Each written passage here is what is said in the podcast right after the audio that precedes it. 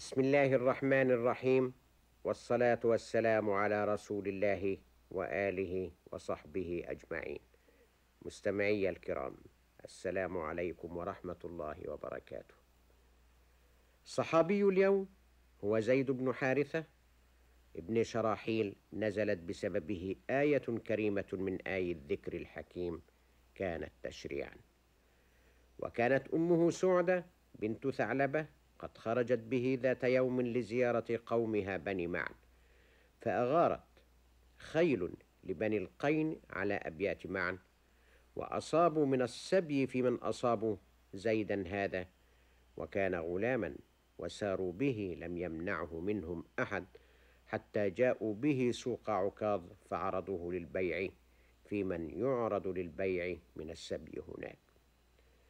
وانفلتت أمه إلى دارها وحيدة يرمد الحزن قلبها وعرف أبوه منها الخبر لكنه لم يدر أين ذهب به اسروه ولا ماذا كان من أمره.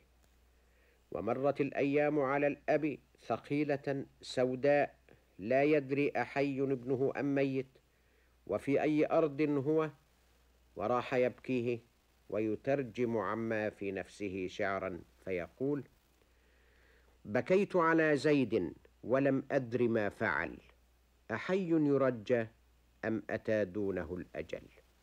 فوالله ما أدري وإن كنت سائلا أغالك سهل الأرض أم غالك الجبل؟ فيا ليت شعري هل لك الدهر رجعة؟ فحسبي من الدنيا رجوعك لي بجل.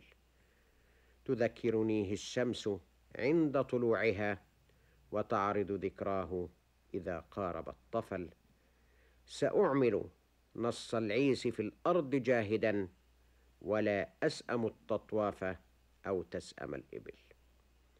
أما من كا أما ما كان من شأن زيد فإن الذين نسبوه قدموا به سوق عكاظ يعرضونه للبيع. فجاءهم حكيم بن حزام ابن أخت السيدة خديجة أم المؤمنين فاشتراه لعمته من مالها. فوهبته هي لزوجها محمد عليه السلام فأعتقه وتبناه. كان ذلك كله قبل نبوته عليه الصلاة والسلام. ثم أتاه الوحي عليه السلام وبعثه الله رسولا ونبيا وأخذ يعرف أهل داره بالإسلام. فكانت خديجة أم المؤمنين أول من أسلم كما أسلم ابن عمه علي بن أبي طالب وزيد بن حارثة. ولا تفرد كتب السيرة جانبا لكيفية إسلام زيد ولكننا نتوقع أن يكون هو ممن ضمهم جدران بيت الرسول. وأحب الرسول صلى الله عليه وسلم زيدا حبا شديدا في الله وكان يلقبه بزيد الحب. وتبناه حتى صار لا يعرف إلا بزيد بن محمد وظل معروفا بذلك حتى نزل قوله تعالى ادعوهم لآبائهم هو أقسط عند الله فإن لم تعلموا آباءهم فإخوانكم في الدين ومواليكم. ثم قضت مشيئة الرحمن جل جلاله أن يلتقي زيد بحجاج من كلب فسألهم أن يبلغوا أباه أنه حي وأن يدلوه على مكانه وقال أحن إلى قومي وإن كنت نائيا فإني قعيد البيت عند المشاعر وإني بحمد الله في خير أسرة كرام معد كابرا عن كابره. فلما وقف أبوه على خبره وعرف أنه حي جاء إلى مكة يرجو من الرسول عليه السلام أن يقبل فداءه. فقال له الرسول ولمن معه؟ ادعوه وخبروه. وخيروه فإن اختاركم فهو لكم. وإن اختارني فوالله ما أنا بالذي أختار على من اختارني أحدا.